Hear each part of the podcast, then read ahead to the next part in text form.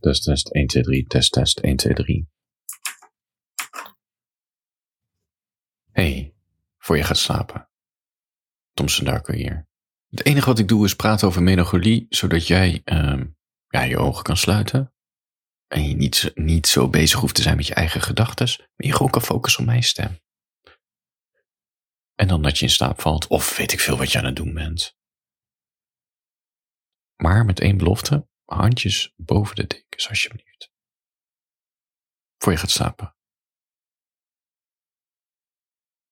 Als je door een diep dal gaat, is het niet echt een kwestie van, van leven per dag, maar leven per uur. En dat is heel gek, hoe, hoe klein die wereld wordt als je echt, ik bedoel echt in een diep dal zit. Dus bijvoorbeeld net heel heftig, als je net de relatie uit is, of als je in een zware depressie zit, of heftige angsten hebt, dan alles wordt klein. En het is ook heel moeilijk om perspectief te zien. Het, het wordt, ja, de volgende dag voelt al te ver weg aan. Dus je neemt, je neemt het leven per uur. Het volgende moment de lunch, je middagwandeling, je middagdutje, begin van het tv-programma s'avonds. En dat moet ook, want het houdt je gaande. Je moet natuurlijk wel naar iets kunnen uitkijken.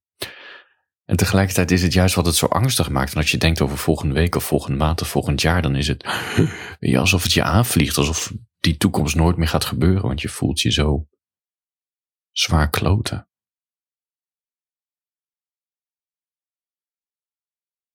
Maar als je het per uur neemt, dan geeft het ook weer iets meer grip op de dag, snap je?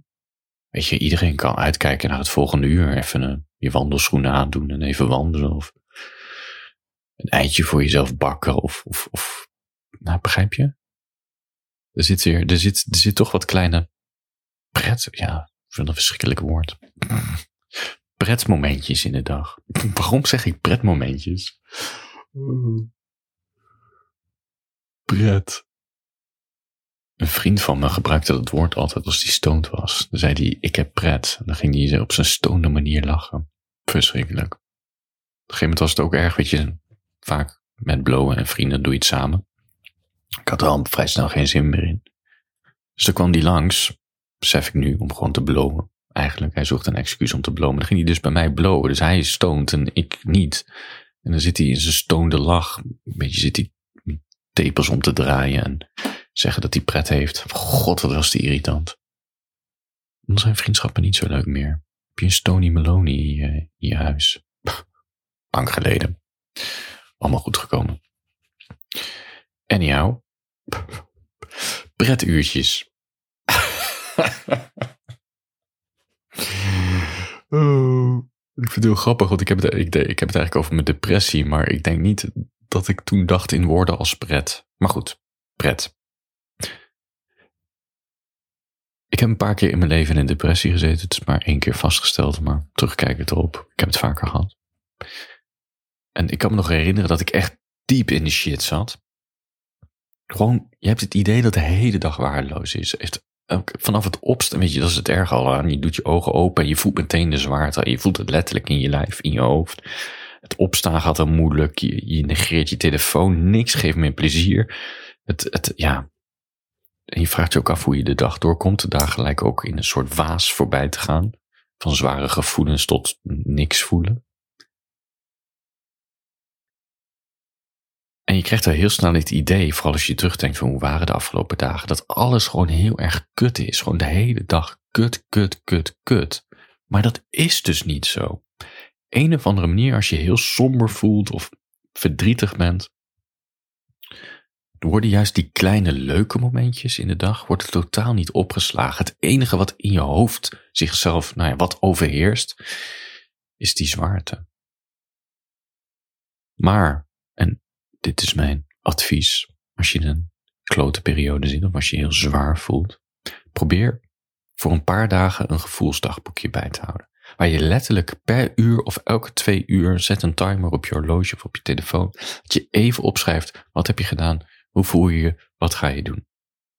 En je zult al heel snel merken dat zelfs als je zwaar in de depressiepuree zit, Waarom zeg ik puree? Ook zo'n smerig woord. Net zoals diarree. Er zijn woorden waar ik echt van walg.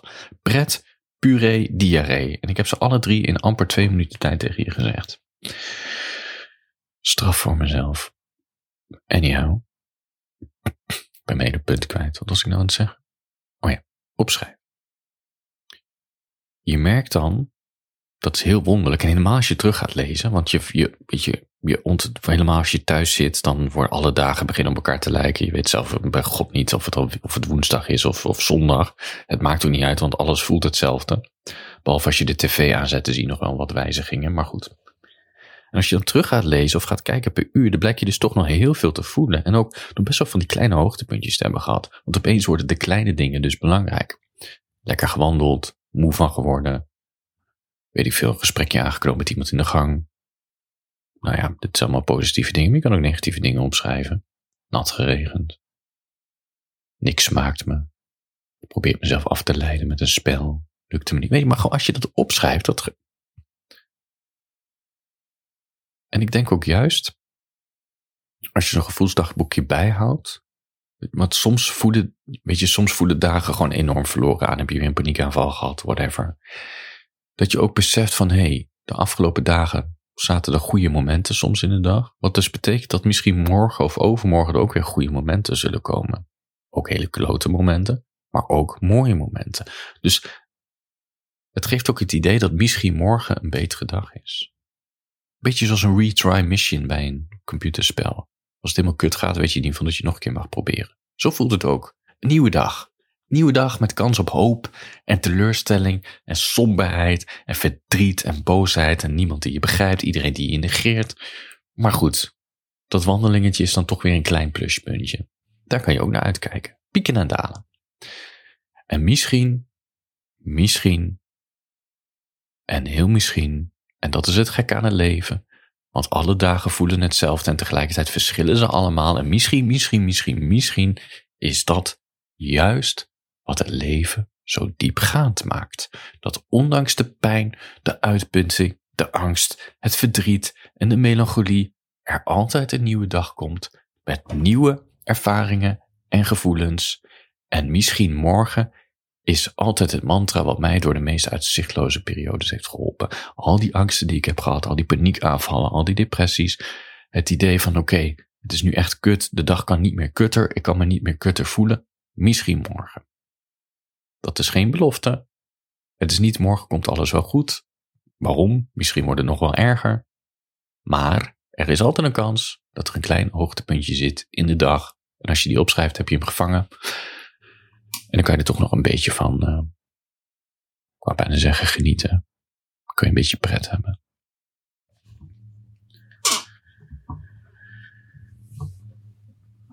Voor je gaat slapen.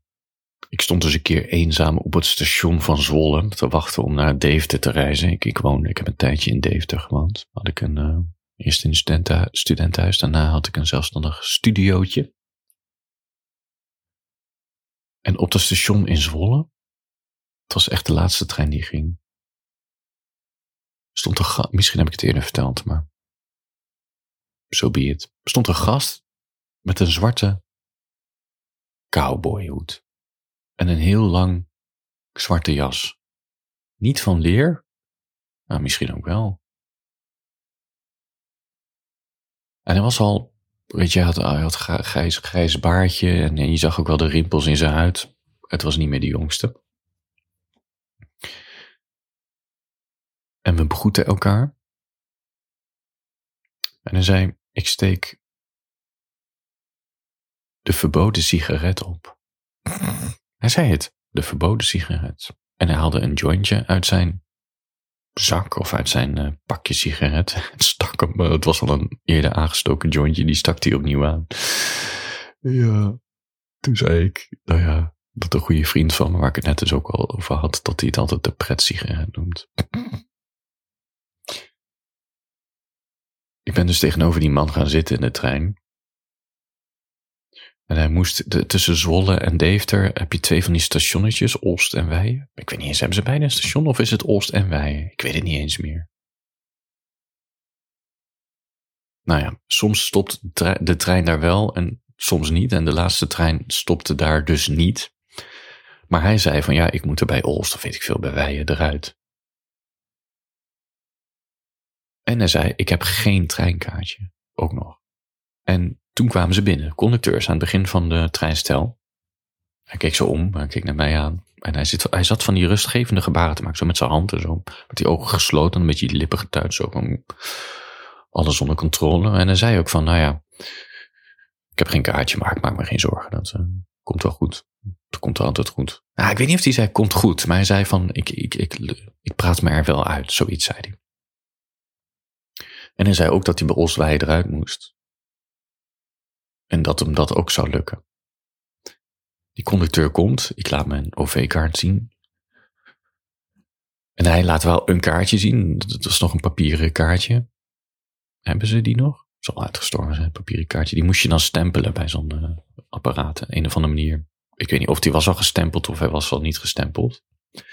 Dus die conducteur kijkt ernaar en zegt, ja, dit is niet goed. En die, man met die hoed, die begint zo van, ja, mijn vrouw heeft dit gekocht en ik kom vanuit Groningen en ik dacht al dat ik in de war was en dit en dat. En ja, nou ja, zo, zo, zo. Gewoon, een, heel, heel lulverhaal, maar heel rustig verteld. En die conducteur zo een beetje humeurig, zo van, ja, maar waar moet je heen dan? Nou, Olst en Weijen. Ja, maar daar stopt deze trein niet. Ja, nee, dat klopt, ja. En eh, vanuit Deventer gaan er ook geen bussen meer. En die conducteur zegt: Oké, ik zorg wel dat de trein gaat stoppen bij Oosterweijen. En die geeft zo zijn kaartje terug en, en loopt verder.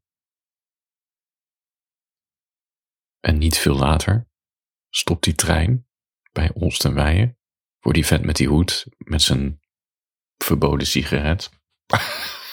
en dan sta ik, hij geeft mij een hand en dan loopt die fucking trein uit.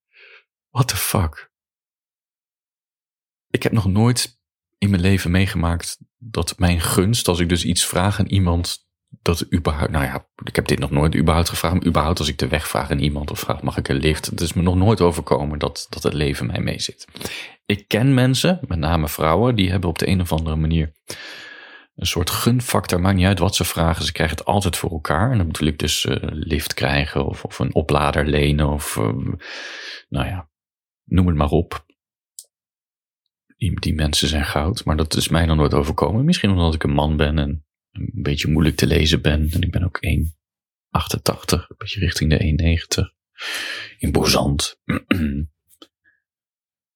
maar dat deze vent, die er op zo'n gekke... Hij zag heel met zijn hoed en zijn, zijn leren jas. En die daar een beetje een verboden sigaret op het station loopt, loopt te smoken. Die zich gewoon helemaal eruit bluft met een lulverhaal over zijn vrouw en een kaartje en oost en wijen. En het voor elkaar krijgt dat die trein gewoon stopt voor hem. En, en nog het erge was dat hij het gewoon helemaal ingecalculeerd had. Dat het zo zou, zo, dat het zo zou, dat het zo zou gebeuren. Een of andere manier denk ik dat de energie van deze mensen heel goed werkt. En dat ze ook bewust zijn van die energie. Ja, is bijna voer voor een soort secteleider. Zullen dat ook secteleiders zijn, die mensen helemaal? Ja, het zijn andere mechanismes. Nou, misschien ook niet. Er zit wel een soort charisma in. Ja, knap. Ik had ook eens een vriend. Die had ook wel een bepaald charisma. In ieder geval zijn uiterlijk zat heel erg mee. Als je met hem de trein instapte of een kroeg binnenkwam of een zaal binnenkwam, dan zag je gewoon alle meiden vrouwen automatisch opkijken en iets te lang naar hem kijken. Je zag gewoon dat de ogen van hem hielden. En hij wist dat ook van zichzelf. Alleen dat is natuurlijk weer de menselijke tragedie waar ik wel heel erg goed op ga. Dat is wat me inspireert om in al mijn verhalen te schrijven, die menselijke tragedie, zo het helemaal misgaat. Het komt dus, het gevolg is dus dat je te, te zelfverzekerd wordt. Dus ik was dus een keertje met hem aan het uitgaan in Deventer ik denk dat het in de week was dat er allemaal introductie, uh, introductie was van die hogescholen. In Zwolle was het, maar ook in Deventer. Dus heel veel eerstejaars of, of uh, ja, die de hele week lang overdag activiteiten aan het doen waren en dan s'avonds de kroeg in. Dus wij gingen ook de kroeg in om een beetje te dansen. En hij zag daar een leuk meisje die aan het dansen was met een leuke jongen. Ik weet niet of die jongen leuk was, maar je zag wel, die twee hadden het naar de zin. En ze kenden elkaar volgens mij ook niet zo heel goed. En hij zei dus heel arrogant van, hou mijn bier vast. Ik zal je eens even een trucje laten zien. Ik, dat meisje wordt van mij. Dus hij begint zo een beetje om die twee heen te dansen en begint zich zo tussen te wurmen. Om haar, om hem, om haar van hem af te pakken. Ja.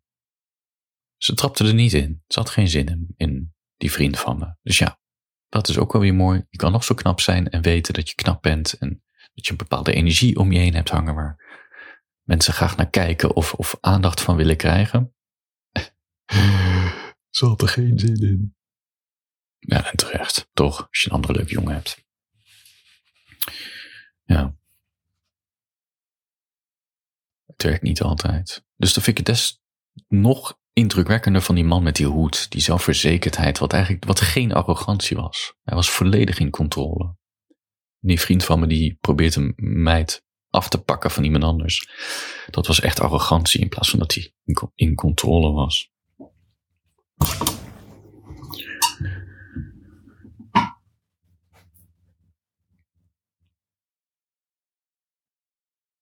Ja. Zit even te denken aan dat feestje toen. In Deventer.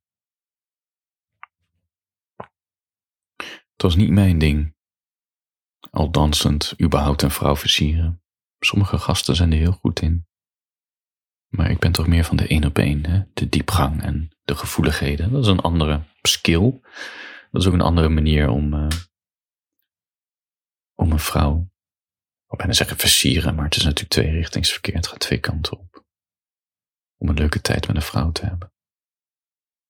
En ik voelde me altijd de sukkel eronder, omdat je natuurlijk heel veel aan het uitgaan bent en aan het drinken bent en je ziet al die mannen, vrienden, al die leuke meiden oppikken. En dan zit je daar dan als introvert aan de zijkant, met je biertje in je hand.